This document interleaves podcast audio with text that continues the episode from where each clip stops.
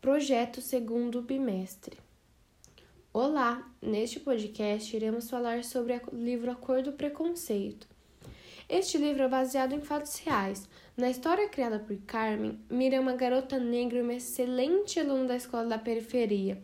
Com seu esforço, conseguiu uma bolsa de estudo num dos melhores colégios da sua região. Na sua nova fase da vida, passou por vários e vários perrengues, como preconceitos, e teve que amadurecer muito. Desde o início das aulas, Mira já se sente que é vista como uma estranha, que logo cansa com as perguntas sobre seu estilo, seu estilo de cabelo, todo trançado que se faz exercido penteado rapidinho. Porém, na nova escola também reconheceu pessoas de verdade, que podemos nos chamar de amigos. Em um trabalho de grupo, ela percebe as opiniões preconceituosas de colegas que não sabem lidar com a realidade. Se dizem não discriminadores, mas acham que o desemprego é culpa de quem não quer trabalhar e não se enxergam ou não querem enxergar os índices que apontam as diferenças salariais absurdas entre homens e mulheres brancas e negras.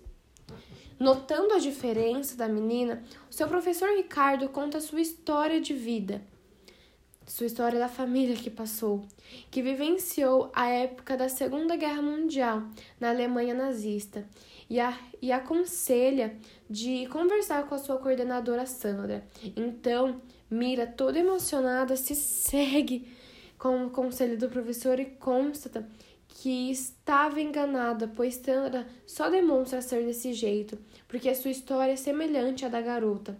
Sandra também se sentiu na pele o preconceito racial e só com muita força de vontade e empenho conseguiu vencer na vida e se tornar uma pessoa realizada. Ela apoia Mira, nomeando como aprendiz de guerreira. A brilhante aprendiz amadurece aprendendo e descobrindo a cultura do povo africano, se concilia com amigos, assume sua própria identidade, não tem vergonha de nada. As tranças voltam a ser seu penteado favorito, dando lugar àquele cabelo liso, lambido que pretendia e sonhava tanto usar. O livro ressalta sobre o preconceito que os negros têm aqui no Brasil.